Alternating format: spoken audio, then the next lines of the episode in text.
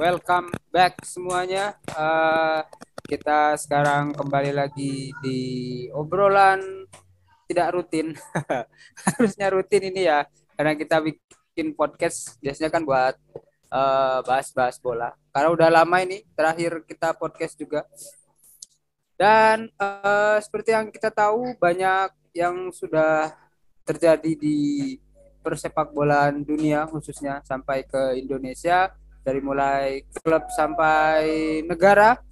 Uh, di sini yang akan kita bahas mungkin yang utama tentang final ya, final di uh, cup cup lokal dari Super Cup Spanyol sama Super Cup di Italia. Terus ada juga pertandingan semifinal Piala Kerbau, ya. Ya. Ya. Nanti uh, pertemukan antara Chelsea dengan Tottenham. Tapi yang lagi rame-rame mungkin yang lagi viral-viral sekarang ini uh, kalau di di lokal ya setelah kemarin viral Piala AFF uh, eh, Indonesia sekarang yang lagi viral itu klub di Liga 2 yang berhasil lolos ke Liga 1 yaitu Rans punyanya artis mau berencana mau merekrut Mesut Ozil ini nanti. Musim baru Liga 1 itu pun kalau ada ya. Nah, di Indonesia kan liganya nggak ketebak. Ini kalau pendapat Bro Rizal dulu nih, pendapat Bro Rizal mungkin nggak ini Ozil datang? Benar-benar datang ke ke Indonesia, main di Indonesia. Karena kan kalau kita tahu Ozil ini kayaknya udah habis ya waktunya. Tapi menurut pandangan dari Bro Rizal ini gimana? Aduh, saya sebenarnya baru dengar juga terkait dengan apa rencana rekrut Ozil ke salah satu klub Indonesia yang baru promosi. Tetapi kalau dilihat, saya pertama evaluasi dulu dari kualitas ranking persepak bolaan kita di FIFA, meskipun mengalami kenaikan, tetapi secara eh, apa namanya objektif pun kita harus akui di mata dunia persepak bolaan kita masih dianggap belum terlalu maju. Kita masih kalah sama Thailand, terutama di Vietnam juga ya. Eh, ya di lingkup ASEAN. Kemudian dengan berbagai macam persoalan persoalan klub yang menjadi catatan-catatan di FIFA untuk kita dari persoalan gaji, kemudian persoalan eh, kualitas lapangan di Indonesia, kemudian eh, ranking liga kita juga masih di bawah beberapa negara ASEAN itu saya pikir berat untuk mendatangkan Ozil ke Indonesia. Meskipun ya secara mungkin performa individu tidak terlalu banyak menurun Ozil seperti itu hanya persoalan brand saja yang turun kira-kira. Seperti itu. untuk untuk saya sih berat untuk mendatangkan Ozil ke Indonesia. Seperti itu untuk saat ini. Saya tidak tahu kalau tiga tahun ke depan tapi kalau untuk saat ini ya. itu berat untuk mendatangkan Ozil ke Indonesia atau bahkan hal yang mustahil lah. Apalagi saya yakin banyak klub-klub di apa namanya Asia lingkup Asia saja dulu itu sudah banyak yang juga yang minati Ozil bukan hanya Indonesia seperti itu. Saya punya pandangan terkait dengan itu. Bukan saya pesimis sih atau memandang remeh dari klub Indonesia, tapi saya yakin itu masih sulit untuk masuk ke Indonesia. Jadi tidak hanya persoalan gaji saya pikir pertimbangan pemain, tapi kualitas dari suatu liga juga menjadi pertimbangan suatu pemain untuk hengkang ke liga tersebut. Ya liga kita ya dengan berbagai macam persoalan yang diangkat ke publik dari mafia bolanya masih masih jadi PR kita itu pun masih jadi wacana publik hari ini masih ya. itu berefek kualitas juga ya, masih jelek ya itu berefek nah, terhadap transfer dan rekrutmen pemain yang masuk ke Indonesia. Kira seperti itu, Mister. Saya kembalikan. Iya, iya. Iya, ya, kayak yang tadi Bro Rizal sempat uh, bincangkan sebelumnya ya. Jadi kayak uh, permainan kualitas itu kayak yang tadi offset aja masih banyak kesalahan kan ya, apalagi di Liga 1 ini. ya pasti ini berat juga ya kalau kalau menurut pandangan. Kalau menurut uh, eh, Mr. Chandra ini bagaimana ini kalau uh, peluang apakah sama bakal kecil kemungkinan Ozil untuk gabung apa ini cuma kayak apa ya kalau di di sosial media itu kayak sensasi. kayak klik iya kayak sensasi aja lah biar biar naik gitu biar naik prestige-nya gitu.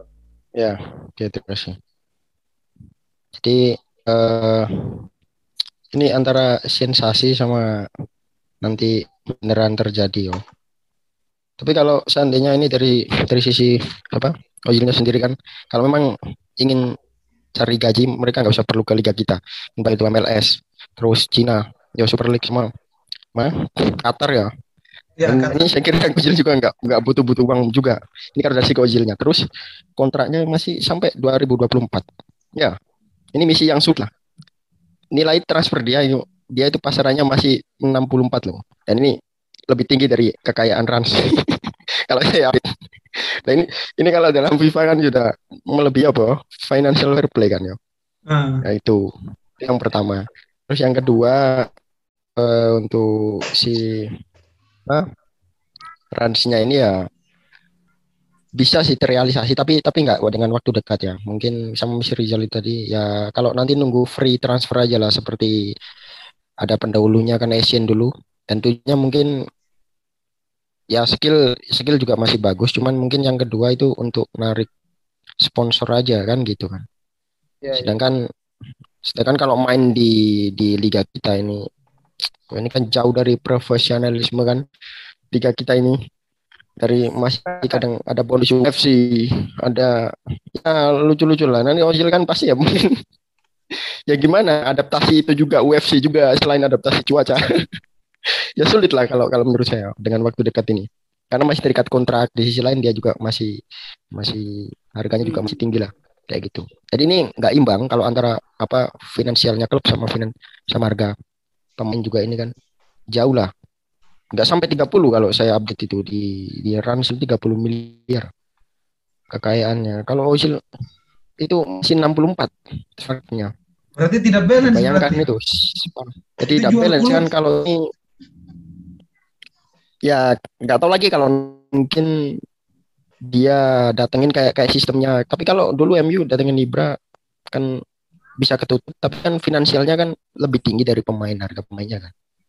Kan Ibra juga juga juga tran, apa free transfer kan kayak gitu. Makanya budaya klub Indonesia itu sebenarnya nungguin pemain Inggris sejauh ini. Jadi mereka kenapa kalau satu tahun satu tahun kontrak di sisi lain karena liganya biasanya ke depan nggak jelas terus sisi lain klub kita ini sukanya yang gratis gratis dari mayoritas pemain masuk ke sini tuh statusnya gratis nggak ada yang beli kayak di luar gitu biasanya kan jelas kan makanya biasanya fans fansnya juga kadang lucu kalau di Indonesia itu. Ya, Jadi budayanya beda lah. Budaya sepak bolanya di sini sama di luar itu beda. Kalau di luar itu udah dibeli ya dibeli kan gitu. Kalau di kita ini dikatain nggak loyal dan lain-lain. Meskipun masih terikat kontrak, kalau di luar ya semuanya setuju dari klubnya setuju, pemainnya setuju pindah ya pindah. Kalau Indonesia harus nunggu gratis dulu baru pindah. Kontrak habis. Ya, ya kembali ke topik tadi mungkin berat ya, berat masih masih ini cuma cari sensasi naikin klub aja kayak klub-klub Polandia lama-lama run sih. Hmm. Uh, Polandia, klub-klub Serbia itu kan pemain Indonesia kan cuma naikin apa followers doang pertama.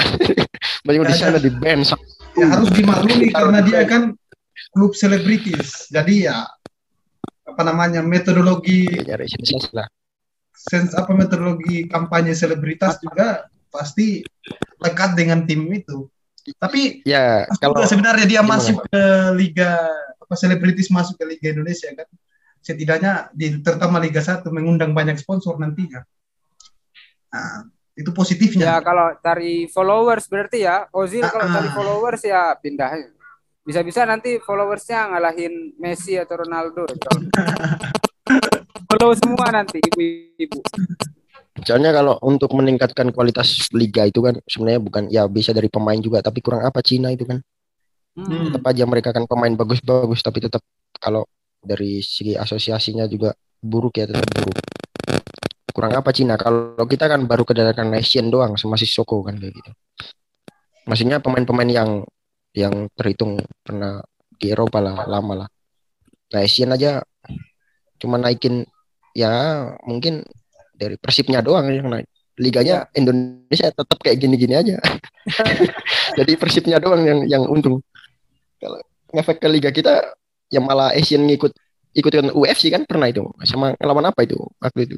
Bali kan nggak salah ya. Bali atau itu ikut ikutan UFC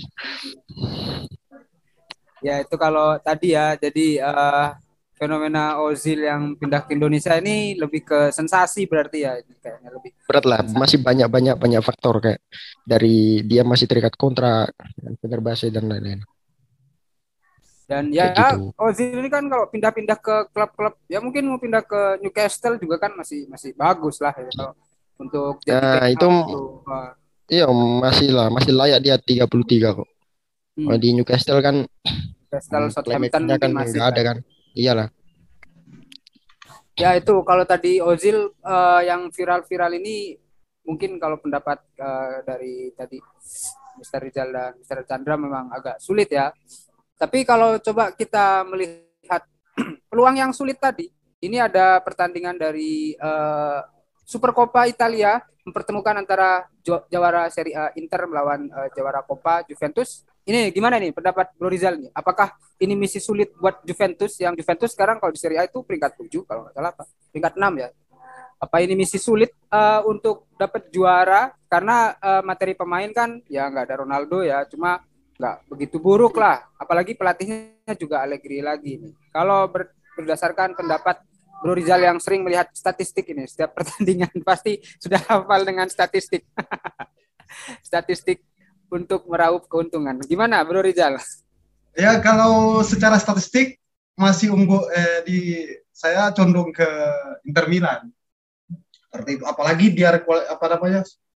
Eh, kalau kita analisis dari depan dulu ya, kita lihat kalau kita lihat analisis depan juga secara realistis juga itu lebih tajam dan lebih produktif striker dari uh, Inter Milan dibanding uh, Juve Juve di depan itu agak sedikit minta maaf kalau dalam kutip tanda kutip agak sedikit tumpul atau mandul karena produktivitas golnya saja itu tidak melam berapa kali permainan melawan tim di bawah saja hanya dua mampu mencetak dua gol. Nah, seperti itu. Memang dia dari sisi pertahanan cukup baik, dia kebobolannya juga uh, rendah kalau kita lihat dibanding Inter. Inter juga Inter dia ketika melawan tim yang uh, kualitasnya levelnya tidak jauh berbeda selalu kebobolan juga. Tetapi di apa balance dengan uh, produktivitas striker di depan yang apa namanya mampu selalu mencetak gol di setiap pertandingan. Hanya melawan Madrid ya sedikit ya apa namanya tumpul di depan. Apalagi saya secara pribadi untuk pemain di Inter yang di Serie A dua yang saya saja sebenarnya saya tidak saya bukan Inter Milan atau fans Milanis apa? Bukan Milanistik apa namanya? Inter internistik lah atau apa namanya? Iya iya atau ya. Juve Juvenistik itu saya dua pemain Argentina di situ yang saya fans. Ada eh, Paulo Dybala di Juve dan di anu di Inter. Ada Martinez. Itu oh Lautaro ya ya nah itu kan dua anak dua pemain muda yang cukup ofensif dalam bermain. Nah, tetapi ya untuk prioritas gol lebih ke Lautaro Martinez yang lebih baik dibanding Dybala. Kira-kira seperti itu saya yakin untuk sebentar malam selisih dua gol, eh sorry satu gol sudah pasti untuk Inter. Jadi kalau Inter, ya? Inter kalau mau fur satu bisa lah. Hmm. Tapi uh, kalau dilihat ini kayaknya kan di Juve juga Jesa nggak nggak main ya karena cedera cedera cedera yeah. CL. Kalau di Inter sih lengkap karena pemain Afrika juga kayaknya nggak ada pemain inti Afrika yang ini dan bakal yeah. kekuatan penuh juga ya berarti ini buat buat Inter. Berarti nggak nggak akan sampai adu penalti ini berarti ya? Oh nggak nggak akan. Saya yakin babak pertama udah nyetak Inter lah. Saya optimis sama Inter. Strikernya di depan ada Jeko, ada semua itu orang-orang yang apa namanya ofensif dalam menyerang. Ada Jeko, ada siapa satunya yang bekas Barca ini yang udah kembali bersinar. Alexis itu orang-orang ngotot yang di depan, ditambah Mar Lautaro Martinez itu orang-orang ngotot di depan. Jadi kengototannya Alexis dan karena Amerika Latin agak mirip tipikal bermainnya, tetapi diimbangi dengan adanya Jeko di sebagai apa namanya objek akhir eh, objek permainan itu keren depannya lah untuk Inter saya seperti itu bisa ngimbangi dia defensif tapi tidak terlalu liar kalau Alexis sama anu ini kan Lautaro kan agak sedikit liar mereka bermain. Iya iya iya. Ya. Ya. Okay. Pokoknya satu gol babak pertama kita kasih gol satu Inter. Nanti kita lihat. Oh. Yakin saya. Siap siap siap. Kalau uh, dari Mr. Chandra ini, bagaimana ini peluang uh, Juventus? Karena tadi Bro Rizal uh, lebih menjagokan Inter ya, karena performa yang stabil. Kalau Juve kan di di Serie A juga nggak begitu bagus ya. Uh, kemarin terakhir juga seri. Uh, Sebenarnya menurut Mr. Chandra ini permasalahan Juve itu apa ya? Oke, udah dengar ya suaranya. Kadang mereka ini ya di awal-awal sebenarnya dari striker lah ya. Contoh mereka kadang ya striker kadang backnya juga kemarin kecolongan sama Roma itu. Itu kalau sama seandainya Inter itu mereka pasti udah kalah itu. Tapi berhubung musuhnya Mourinho mereka bisa comeback. Jadi ya. Jadi strikernya juga sih menurutku sih. Striker terus kayaknya uh, menurut saya ini ter, lebih tergantung kepada yang cedera itu ACL ya, Ciesa ya. Lebih menggantungkan kepada bukan bukan tim. Karena yang Forsir ini setahu saya yang paling menonjol sejak kalau nonton juga meskipun saya jarang-jarang nonton. Tapi yang paling menonjol itu biasanya Federico Chiesa itu. Nah, ini kan mereka juga apa nanti malam kehilangan kan Chiesa. Gak ada Chiesa ini. Nah, kalau secara mungkin skor akhir nanti saya tetap ya setuju dengan serial tapi saya nggak mau tebak skor lah kan. Bukan kayak Mr. Denny dapat bisikan langit gitu ya. Saya cuma mengunggulkan saja mungkin Inter yang lebih Spartan karena mungkin udah satu gol bisa terjadi gol di babak pertama udah bisa terjadi. Bisa terjadi iya ya lah bisa lah bisa lah. Hmm, bisa. Kan Juve ini kan menyetak banyak gol. Itu baru kemarin lawan Roma aja itu lebih dari dua gol ya. Hmm. selebihnya mungkin dua itu pun lawannya ngelawan tim-tim uh, tengah bahkan bawah kan gitu kan gitu. Ya mungkin Mr. Ansori juga pendapatnya nanti gimana? Karena mungkin Mr. Ansori yang lebih lebih apa expert di Liga Italia kan. Ya, saya nonton nonton mungkin kan kadang nonton Fiorentina. ya. ya kayak gitu aja kan ya nonton Mantov Vlahovic kayak gitu gitu ya dan lain-lain. Tapi kalau untuk full matchnya biasanya saya jarang kalau Liga Italia. Ya, ya dari dari ntar malam ini prediksinya mungkin Inter tetap strikernya ya meskipun tanpa lukamu tetap pinter produktif sejauh ini. Jadi Lautaro duet sama Sanchez tetap terus disokong Barella itu. Kalau Juve menurut saya masih mengandalkan satu pemain. Menurut saya loh ya. Hmm. Apalagi yang diandalkan nanti ACL. Masih, tapi mesti diakui pertahanan Juve itu lumayan bagus. Iya. Lini pertahanannya. Kemarin kemarin kemarin doang sama sama Roma itu kan kecolongan di awal tiga doang kan tiga gol tapi karena mungkin lawannya Mourinho kan siapa pun bisa comeback bahkan Persela pun bisa comeback kayaknya kalau siapa Mourinho. Ya. Kalau uh, Mourinho kan nggak apa-apa nggak nggak menang yang penting sensasi dulu aja. ya, ya nonton itu. nonton bagus itu lawan Atalanta doang karena Atalanta lagi jelek dan banyak yang covid itu Roma itu uh. dan mereka bisa menang apa Abraham nyetak gol menang berapa ya? Banyak lumayan kok itu. Ya, selebihnya itu saya nggak pernah nonton Roma. Gol untung-untungan itu.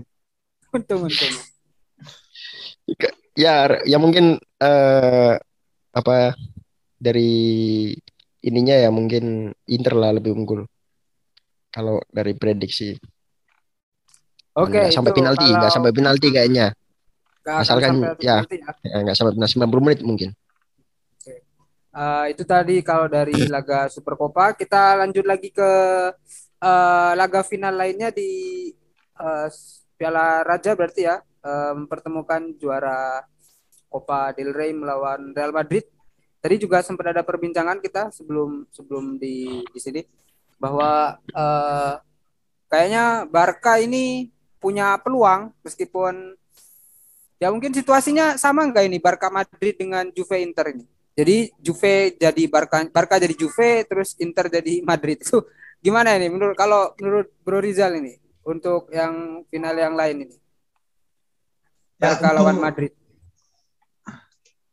Kalau ini saya yakin uh, agak sengit pertandingannya. Uh, bisa berakhir imbang kedua tim ini untuk Real Madrid Barcelona meski banyak yang mengunggulkan bahwasanya Madrid secara statistik atau secara di atas kertas Madrid itu lebih unggul dibanding Barcelona. Tetapi kalau kita lihat dari uh, perkembangan Barcelona di era saat ini ini sudah cukup baik meski tidak terlalu stabil karena beberapa kali bermain lawan uh, Sevilla pun dia mampu imbang Sevilla itu cukup kuat dan perlu dicatat Madrid pertandingan sebelumnya lawan Ibar kalau saya tidak salah eh, Kadis atau Ibar itu dia kalah satu kosong di kandang. Iya iya iya. Dan Madrid juga nah, Madrid belum pernah kalah di meskipun Madrid belum pernah kalah di kandang ini musim ini sepertinya. Oh, oh Barca maksudnya ya Barca berkalah. Lima lima pertandingan sebelumnya ini belum pernah kalah di di kandangnya. Tapi Barcelona cukup baik ketika bermain di kandang lawan karena dia meraih hasil imbang pun lawan Sevilla di kandang Sevilla. Seperti meski kalah di kandangnya sendiri. Tapi malam ini saya optimis Barcelona kalaupun kalah ya kalahnya nggak kalah-kalah telak. Nah, seperti itu. Bahkan okay. kalau kita eh, lihat dari beberapa prediksi yang disediakan, itu persentase kemenangan Madrid itu tidak mencapai 50 persen. Dia hanya sampai ada yang paling tinggi 43 persen, nggak sampai 50. Padahal kalau kita lihat dari biasanya ketika di statistik uh, kita lihat di klasemen liga itu ketika tim papan atas bertemu dengan tim papan bawah itu di atas 50 minimal prediksi kemenangannya tapi pada Madrid Barcelona ini cukup cukup aneh prediksi banyak yang memprediksikan tidak ada yang tidak ada yang berani memprediksikan 50% tingkat kemenangan dari Real Madrid ini kan aneh beberapa beberapa lembaga prediksi meski dia memprediksikan dia menang, tapi hanya 40 persen. Seperti itu. Dan Barcelona di, di angka sekitar eh, uh, 27 sampai 30.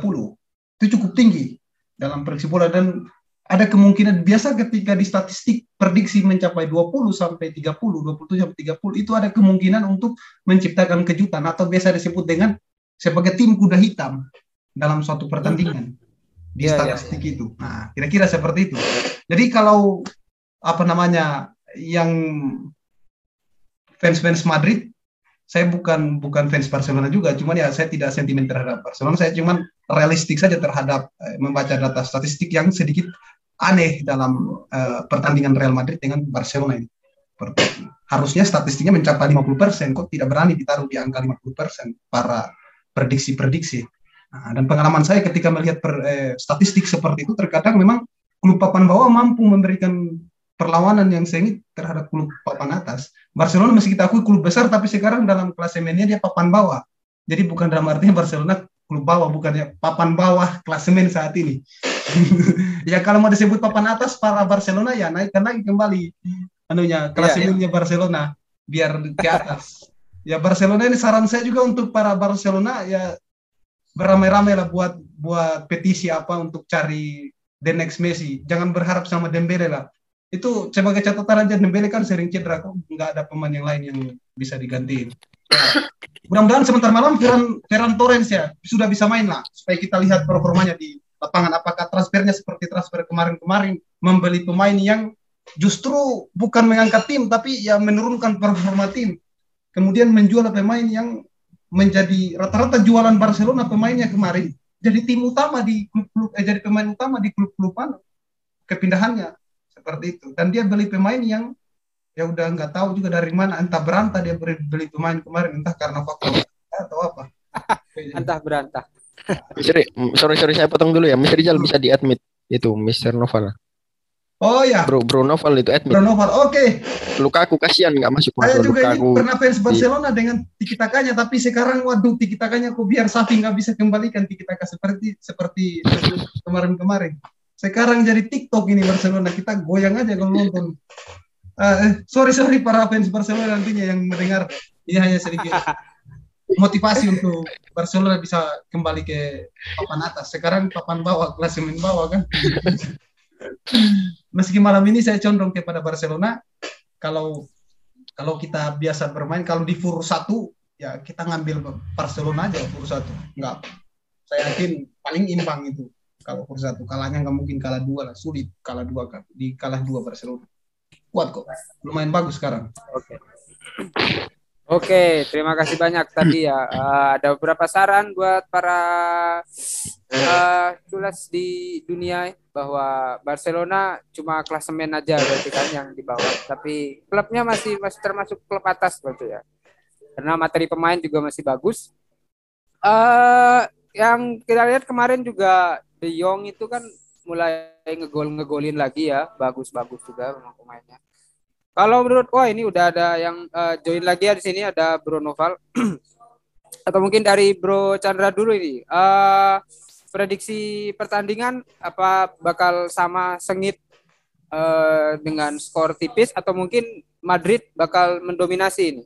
Kalau dari dari lihat dari susunan pemain kan Barca juga Dembele juga udah lumayan bagus kan juga. Ferran Torres juga bisa main kayaknya kan karena uh, pemain kayak Coutinho sudah sudah keluar.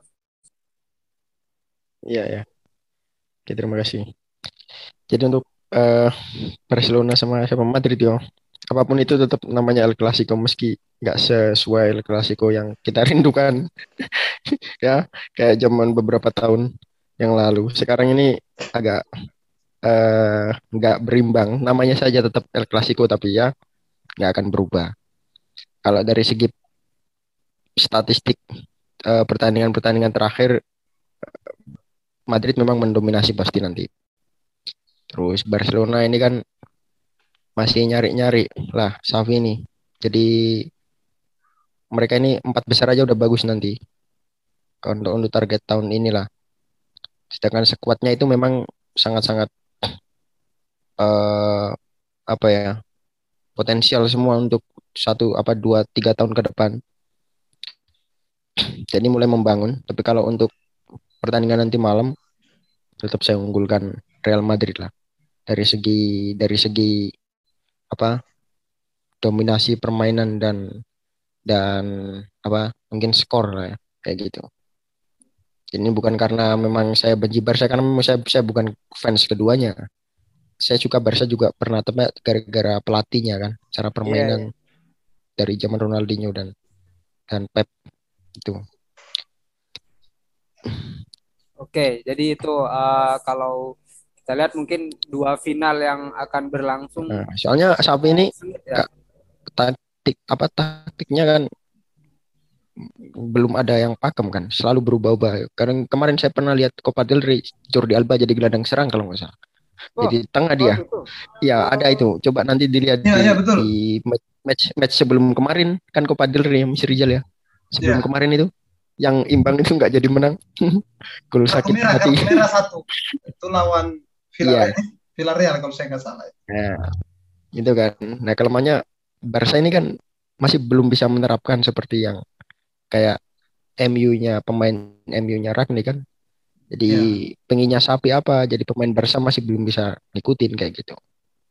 Beda saya, dengan saya... Alsat. Kalau Alsat mungkin dulu kan bisa terus lawannya juga nggak superior dari Al Sadd kan kayak gitu. Tapi kalau Barca ini kan kelasnya juga sudah di Eropa jadi lawannya juga lebih superior makanya makanya kalau ada yang bully Sabi mungkin saya belum masih belum ini lah karena harus kasih waktu dulu lah satu tahun dua tahun.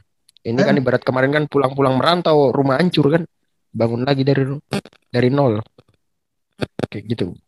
Ya kalau saya berharap sebentar malam jangan dimainkan bersamaan si siapa De Jong sama yang yang ya ini. De De De, de Jong atau De Jong sama Look. siapa ini Busquets.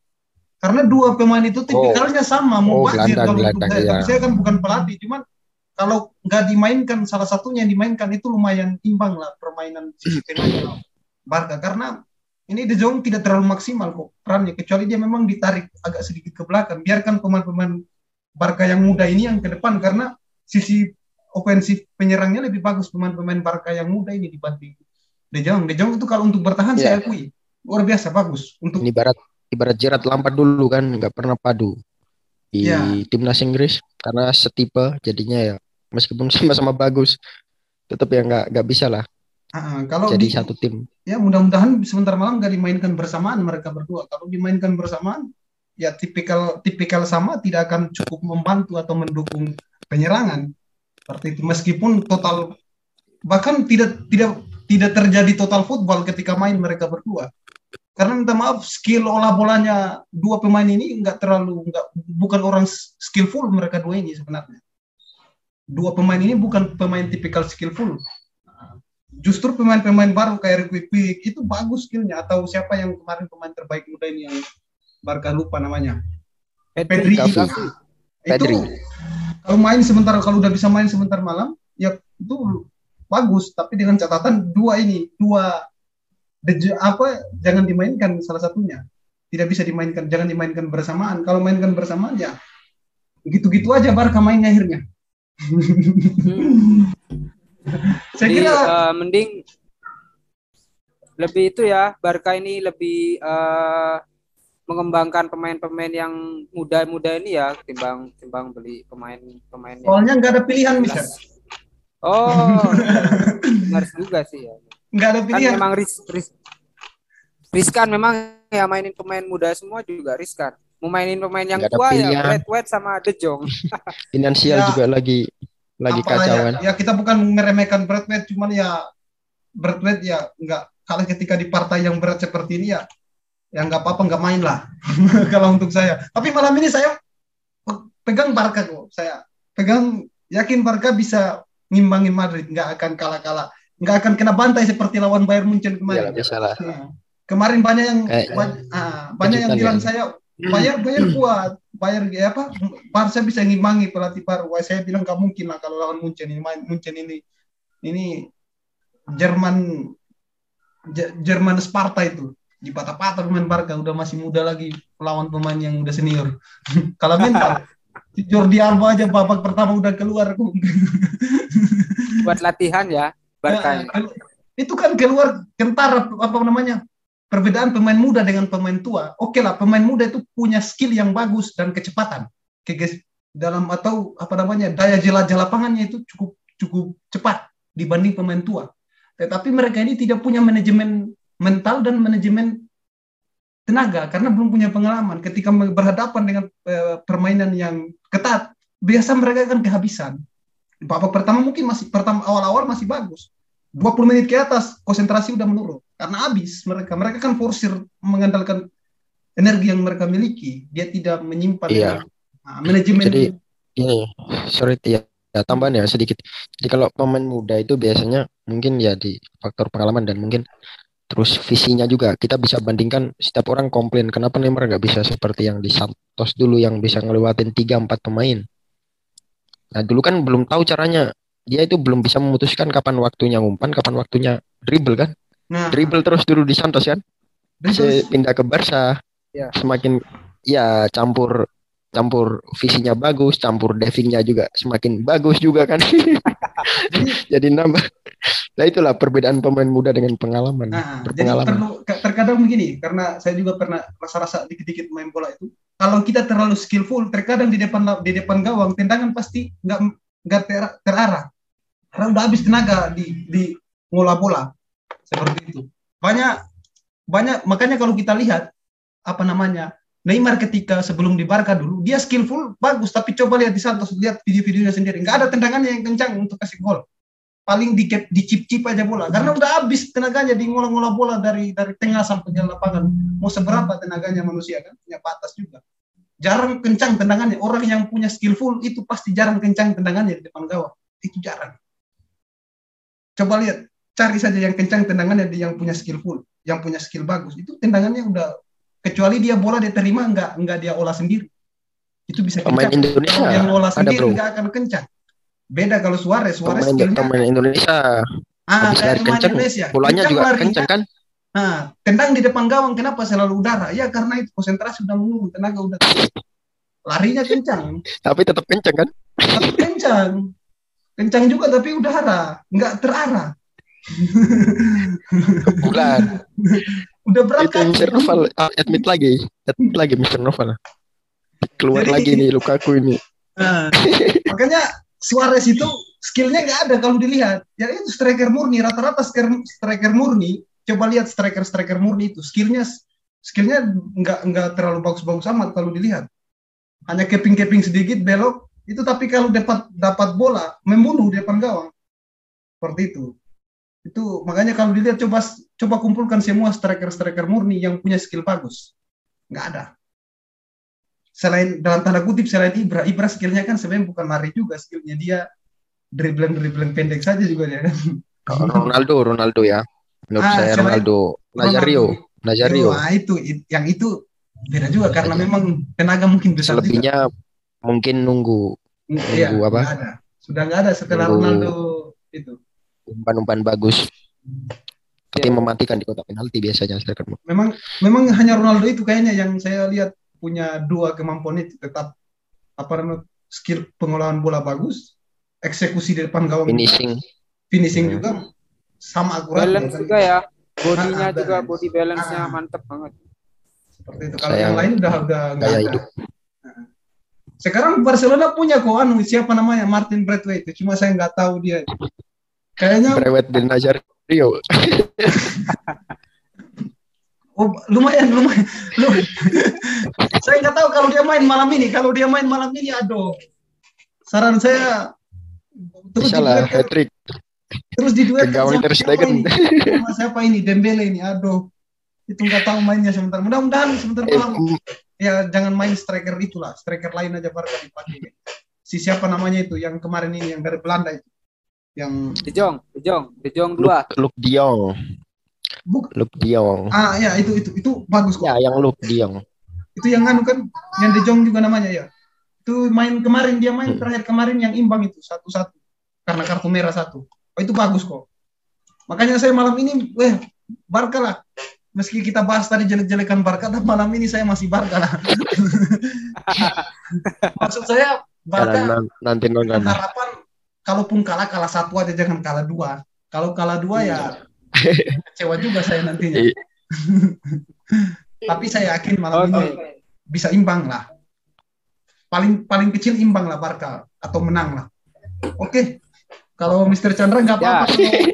Mr. Chandra masih masih fokus ke Juve yang nggak apa-apa. eh, eh Juve dan Madrid ya nggak apa-apa. Saya malam ini Inter sama Barca ini. Loh kok saya fokus ke Juve? Saya mengunggulkan Inter. Oh ya ya ya.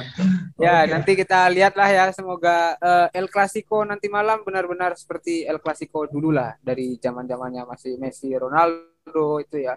Maksudnya sengit lah jadi nggak nggak timpang gitu dari penguasaan sampai tensi pertandingan juga kan semoga seperti El Clasico. Menghibur uh, saring Ya betul. Saya yakin Karena itu yang akan yang menghibur diharapkan itu benar. Hmm. Oke, mungkin kita lanjut ke uh, pertandingan lain di Inggris. Ya? Memang Inggris uh, oh. ada semifinal ya, semifinal Carabao Cup. Itu nanti malam juga ya kalau nggak salah. Iya Antara, nanti malam. Uh, dua klub London, Chelsea dengan Spurs mumpung sudah kedua. Fans Chelsea ini. Ah, mumpung sudah ada uh, saya ponakannya Tuchel. Gimana ini Bro Naval? uh, untuk laga nanti malam nih, meskipun Chelsea unggul 2-0, uh, eh, tapi di kandang Spurs ya nanti uh, dengan pelatihnya Conte, ketemu Conte lagi nih. Cuma kalau saya lihat memang Conte ini sepertinya kayak pasrah-pasrah gitu ya di, di Spurs itu ya. Dia ngakuin ya skuadnya ya kayak gini, gitu, ngandelin siapa, gitu.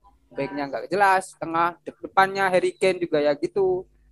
Gimana ini menurut uh, pendapat Bruno Val? Apakah Chelsea bakal lolos uh, dengan mudah atau mungkin ada hambatan bisa ada comeback? Delegasi London. Oke, okay, terima kasih uh, Mr. Ansori, Mr. Rizal dan Mr. Chandra. Sorry tadi keluar masuk ininya zoomnya HP ngeheng jadi baru bisa aktifin kamera sama Untuk masalah aku ya keluar masuk. Kenapa, Mister? Seperti Lukaku keluar masuk. keluar ya, masuk ada. itu. Gak jelas itu pemainnya, Mister. Main Oke, lanjut malam. Untuk nanti malam Tottenham sama ini Chelsea, saya rasa Tuchel pakai ini nanti akan mencoba formasi 4-4-2 lagi. Karena backnya lagi krisis. Banyak yang cedera. Seperti Thiago Silva masih di COVID. Terus Thomas, siapa tuh? Caloba juga sama cedera. Kayaknya lebih efektif pakai formasi awal. 4, hanya 4 back lagi, menggunakan 4 back lagi. Di depan Werner sama Lukaku. Untuk prediksinya, sepertinya Chelsea akan menang 1-0 lah paling kecil ya bahkan menang mudah karena mentalnya sudah ini ya sudah pasti bahwa mereka untuk bisa memenangkan pertandingan. Tottenham berat, apalagi pas awal-awal kemarin shoot on target susah. Maka saya rasa yang akan menang nanti adalah Chelsea. Walaupun nanti Tottenham akan memberikan serangan yang ini ya, yang intensif, karena di leg pertama Tottenham tidak berani begitu menyerang hanya hanya mengandalkan counter attack. Nah, saya rasa di leg kedua ini akan mengandalkan yang namanya serangan total football ya untuk menyerang pertahanan Chelsea. Chelsea pasti akan main bertahan untuk mempertahankan skor 2-0 tersebut. Tapi untuk masalah persentase kemenangan ini, lolos final sih insya Allah 80 persen lah. 2-0 itu susah untuk di comeback. Tapi tidak untuk kemungkinan comeback Eh, tiga nol atau dua nol Wong Barca juga sama pernah di comeback sama Liverpool kan dari tiga nol jadi empat nol kan nah tidak menutup kemungkinan jadi Chelsea harapnya waspada terutama dalam aspek serangan ini ya long ball sama spiritnya yang kuat. Apalagi Alonso main Alonso itu udah gak kuat lari untuk apa serangan serangan cepat. Apalagi Son Heung-min. Yang saya wawas tuh nanti pertarungan antara Alonso dan Son Heung-min. Yang larinya cepat dan Alonso kan yang kita tahu larinya sudah melambat ya. Jadi mungkin akan muncul Rudiger dan juga Kante ataupun Kopake kayak kemarin. Itu sih Mr. Ansari dari saya. Ya, tapi Son ini kayaknya juga absen masih cedera ya di Tottenham ini juga banyak yang uh, masih cedera Son terus uh, siapa lagi itu Dyer juga backnya ya ya mungkin kalau Chelsea bisa manfaatin ini bakal bakal mudah banget ya soalnya. ya iya. kalau kalau nanti jadi jadi Tottenham mainnya sama kayak kemarin buat shot on goal aja susah ya pasti bakal bakal makin susah untuk lolos karena pastinya fans Tottenham ini kan ngarepnya juara ya mau juara apa aja yang penting juara kalau bisa udah lama gak juara itu kayak, kayaknya mau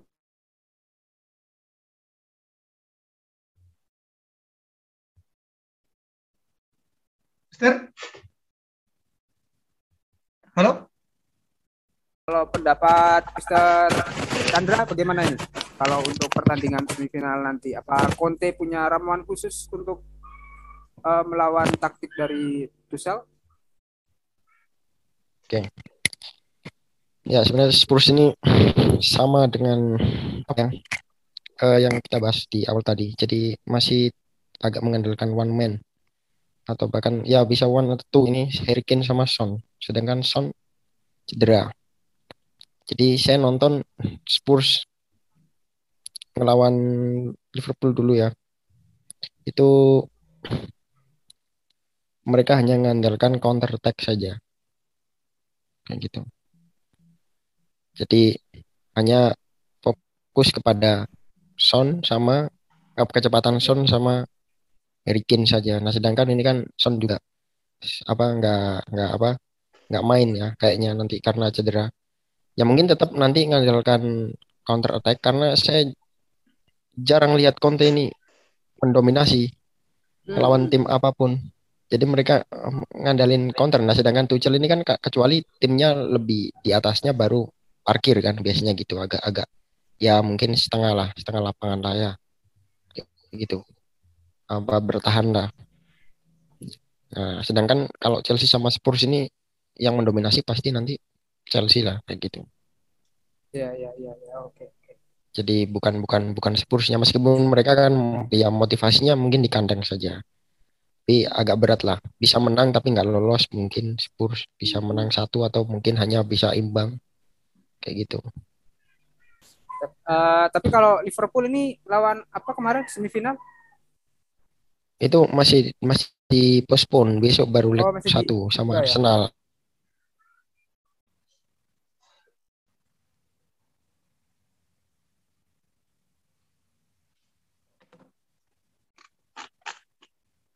Uh, pertandingan. Ada yang mungkin mau dibahas lagi nih, Mister Chandra? Ya bisa gimana Mister Rizal mungkin atau Mister Rizal mungkin mau mau menambahkan tentang pandangan pertandingan-pertandingan lain mungkin uh, Liga Afrika boleh eh itu Piala Afrika ya. Piala, Piala Afrika, Afrika ini kan mungkin. katanya susah ditebak udah bukan mainannya. itu kenapa itu faktornya padahal pemain-pemain juga kan bagus ada banyak pemain-pemain bintang IPL di sana dan pemain-pemain lainnya. Tapi kenapa kok jadi susah diprediksi? Ya, jadi gini loh, ya saya bisa berpendapat ya sedikit ya, karena mungkin ini musim kedua saya nonton apa Afcon, tapi yang yang musim lalu itu yang berapa itu, yang juaranya Aljazair dua tahun yang lalu, itu saya nonton cuman udah semifinal aja, semifinal sampai sampai finalnya. Sama Senegal kan Aljazair, Aljazair juara itu. Nah, benar pemain-pemain bintang ibarat kayak gini, pemain bintang suruh ke Indonesia. Jadi kan nggak bukan pemain bintang itu yang bisa apa ngasih impact kepada pemain-pemain apa partnernya kan, tapi dia ketularan sama partnernya. Itu faktor yang pertama. Ya kan? Iya, iya. Jadi ya. yang yang kedua mungkin filosofi pelatihnya ya jadi kayaknya saya lihat ini di Afrika ini nggak nggak ada tujuan ke kotak penalti itu. Mainnya muter-muter terus. Muter sliding terus. Kalau lapangan sih nggak bisa disalahkan. Maksudnya lapangannya udah bagus juga. Udah standarnya lah ya. Jadi sudah sama kayak di Eropa kan gitu. Mungkin mereka juga lama-lama ketemu kan namanya kan timnas gitu. Tapi berbanding jauh dengan ketika Euro ya kayak gitu kan.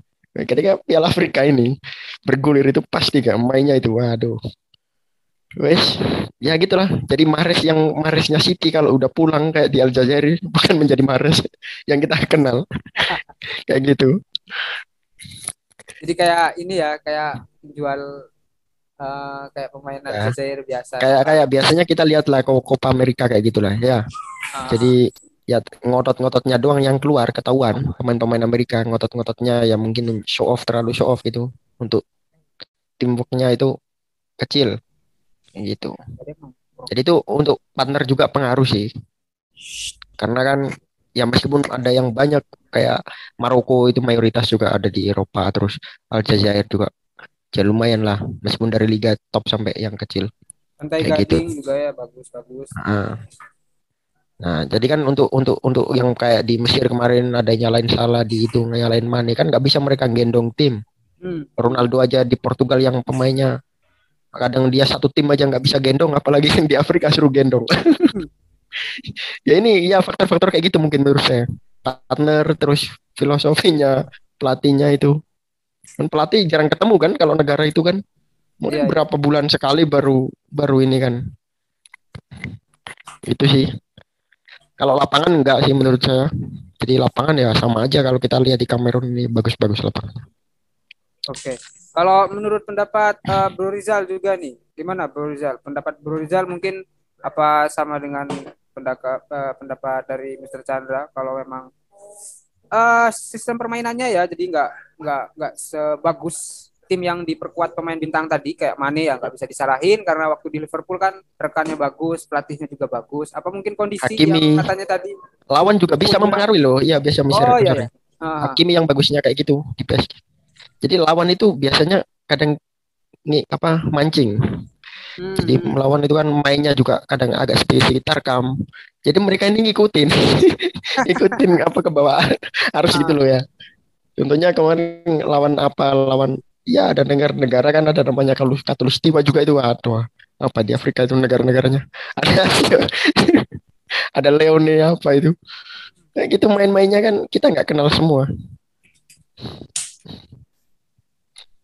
ya, ya ya biasanya coba lah pemain bintang ke Indonesia lah jadi lu ngikut lah pasti nanti suruh ngelawan jadi ikut ke bawah tarkamnya ngikut emosinya juga ngikut semuanya kayaknya ngikut. Gimana? Kalau uh, menurut Bro Rizal apa uh, sama mungkin?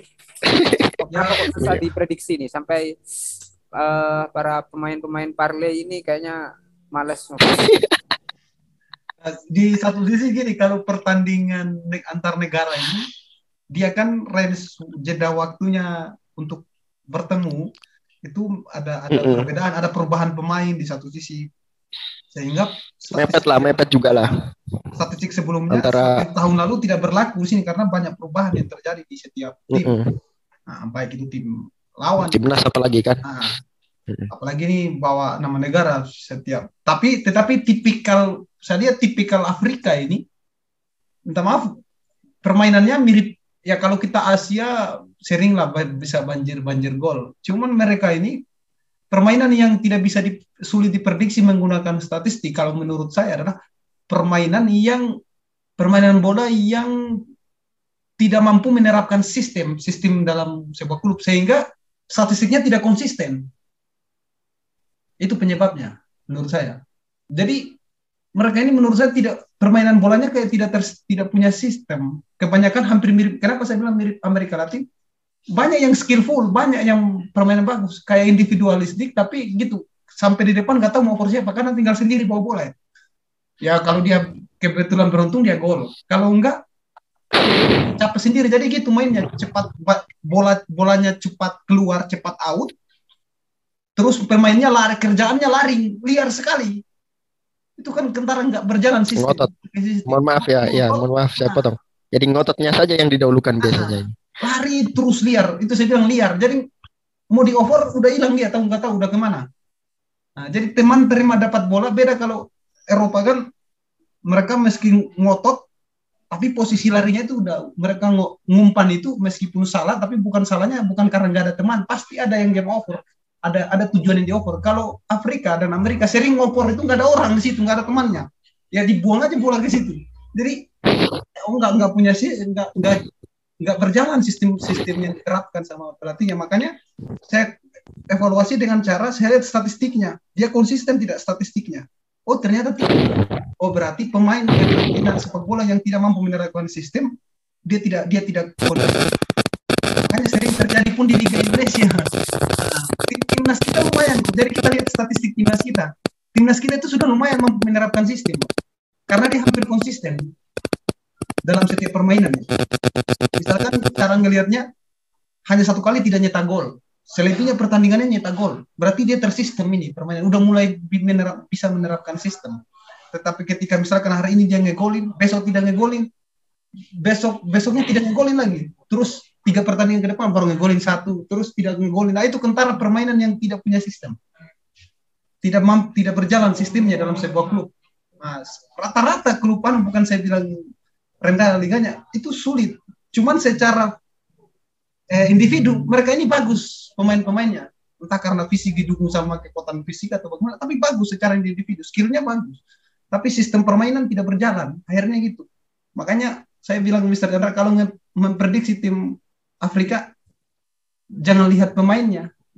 Jangan lihat statistik. Nggak kena itu pasti berubah. Kita lihat dulu pada saat bermain ketika dia mendominasi ya masang. Kalau Eropa mendominasi belum tentu menang. Kalau Afrika mendominasi masang pasti menang.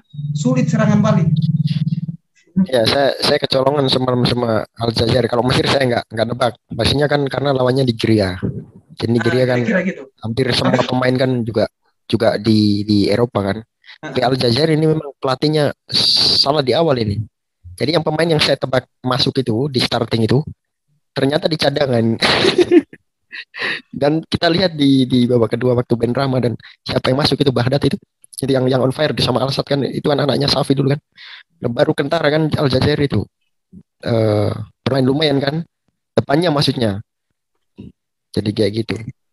ya lu Makanya pokoknya saya- lucu-lucuan lah kalau dua liga itu saya nontonnya lucu-lucuan Copa Copa Amerika sama Copa Amerika juga kayak gitu kan ya. Jadi 11 12 lah. Jadi mereka ngotot doang dengan dengan show off terlalu show off skill sampai kadang nggak enak ditonton gitu loh, kurang-kurang nyaman gitu loh. Sampai lupa ya main skill. Iya, kelasnya kelasnya Brazil Argentina aja. Oh, udah. Brazil itu juga. Ya ini Tapi anehnya kalau mereka balik ke Eropa pasti ya bagus lagi. Maksudnya itu ya ya sis- tersistem lagi lah. mungkin mungkin bisa bisa jadi budaya budaya da- cara main memang tipikal Afrika seperti itu kan setiap negara punya ciri setiap da- wilayah punya ciri khas bermainnya mungkin seperti itu ya Mister Iya, bi- bi- bisa jadi ya, bisa jadi. hmm. Kita kan Oke, juga ada kalau- budaya nih UFC UFC juga. kalau uh, pendapat dari Mr. Noval ini. Maaf ya ini saya saya potong nih karena kita butuh uh, opini yang lain mungkin Mr. Noval mungkin uh, sempat ngikutin Piala Afrika juga karena beberapa pemain ya. Uh, kalau dari Chelsea siapa yang di di Afrika? Mendy paling Mister. Eh, suara saya. Oh iya Mendy. Mendy, betul. Mendy. Mendy sama siapa lagi satu lagi ya? Eh Jiek ya jadi harusnya sama Jiek, tapi Mendy hmm. aja. Kalau Piala Afrika saya tidak terlalu ngikuti Mister ya, karena iya, pemain iya, Chelsea-nya dikit. Cuma Mendy aja. Ya. Pun kemarin belum main kemarin itu.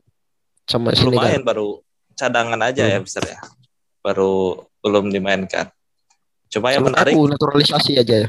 ke Zimbabwe. Luka striker ya, mereka. Zimbabwe kemarin finishing jelek butuh striker mereka. Sama tandemnya mana aja Mister? Jadi tandemnya mana kan keren tuh. Kalau kata Justo karung beras itu. Aduh. Cuma saya tuh lihat Piala Afrika tuh ini apa kurang begitu interest ya Mister. Mr. Ansori bisa Cana sama Mr. Rizal. Gak terlalu interest, tidak se-booming Euro ataupun Copa America. Kalau Copa America masih ngikutin. Tapi kalau Piala Afrika gak terlalu, mungkin pernah lihat sekali dari cara mainnya gak beda jauh lah sama Indonesia yang andalin yang namanya fisik dibandingkan taktikal. Contoh kan seperti seperti yang dijelaskan oleh Bro Rizal, gimana permainannya lebih mengenakan kepada apa? Lari cepat, sprint kan, terus nggak ada yang di depan tuh membantu. Karena mengarahkan pada skill pemain bintang. Kata Coach Jasim bilang kan permainan yang bagus itu dengan menggunakan sistem tidak menggunakan yang namanya skill individu nanti kalau menggunakan skill individu seperti oleh Solskjaer ya yang sering disinggung oleh si Jastok ini cuma memang kadang-kadang efektif dia menggunakan skill individu cuma saja ketika sistemnya tidak berjalan atau skill individunya lagi angin-anginan maka yang terjadi dia akan tidak akan bisa membantu tim lebih banyak. Dan akhirnya tim tersebut tidak akan berkembang di sebuah pertandingan. Makanya bagus dengan menggunakan sistem. Untuk masalah Piala Afrika ya memang kebetulan saya tidak mengikuti karena tidak begitu interest di bidang apa Piala Afrika karena selain pemain Chelsea-nya dikit dari segi pemainnya gak ada yang menarik gitu. Paling cuma salah dan Mane gitu saya rasa nanti menarik kalau finalnya salah dan mana ya. Nanti bisa-bisa pas setelah pertandingan ke Liverpool kelahi mungkin ya. ya sama seperti Ronaldo. Mana aja malah doain Keita sama sama salah di final. Dia ingin gugur duluan biar balik ke Liverpool katanya. Udah gak kuat ya. Nanti kalau mana sama salah quest seru. Liverpool Chelsea gak ada saingan lagi gitu misal tinggal sama City aja. Lebih seru. Ya itu tadi. Oke, aja dari um, Mister dari saya Mister. Oke, okay, thank you uh, Bruno Val. Jadi uh, Piala Afrika ini mungkin kayak Piala uh, Amerika mungkin ya kurang kurang begitu interestnya. Tapi mungkin lebih lebih lebih dari Liga Amerika uh, Piala Amerika Piala Emas itu kan. Kalau Piala Amerika kan masih ada Argentina, Brasil gitu ya. Tapi kalau Piala Afrika ini ya uh, kalau di, kita dibilang rasis juga gimana ya? Sebenarnya memang Piala Afrika meskipun dilihat pemainnya bagus-bagus, tapi ternyata ya meskipun kita lihat emang yang main kan orang-orang hitam, tapi ya gimana ya? Mau dibilang rasis, tapi kalau main di negaranya ya nggak nggak menarik mungkin. Kayak memang terabaikan mereka ya. Iya, maksudnya terabaikan dari segi kompetisi masih berjalan tapi ada ada ini kan. Jadinya ya orang nggak fokus kayak gitu. Itu oh, iya, faktor iya, yang iya. pertama. Terus yang kedua, kadang kompetisi ini membuat jengkel yang pemain kuncinya harusnya masih main di klub, pulang Januari. itu kan itu, itu, itu iya. yang kedua kan. Kayak gitu. Ya itulah. Tapi saya setuju dengan Mas Rizal tadi mungkin sebelum kita nanti close ya punya budaya masing-masing lah. Jadi bahkan Piala Asia kita orang Asia pun pasti saya tebak kita ini jarang sekali nonton Piala Asia. Bahkan hampir tidak pernah kan meskipun kita orang Asia. Ya kan? Pernah pasti terakhir nonton tuh 2007 ya waktu jadi tuan rumah iya. Budi Sudarsono kan. Mister. Budi Sudarsono ngegolin gocek itu. Ya. penyakit kalau Amerika mungkin masih Amerika kecuali yang yang nganggur-nganggur pagi nonton kan kalau kayak saya kemarin memang nganggur ya saya nonton full itu Copa Amerika kayak gitu itu sih sudah mungkin Mister Ansori Kalau nggak ada Oke. tambahan lagi dari Rizal. Nanti Itu dia. share eh, Oke, siap.